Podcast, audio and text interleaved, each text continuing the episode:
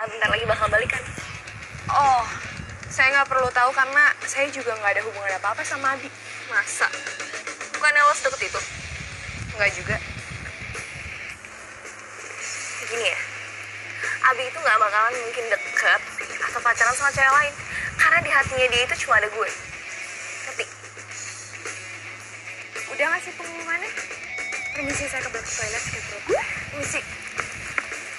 Ih! Ngebelin banget sih tuh cewek.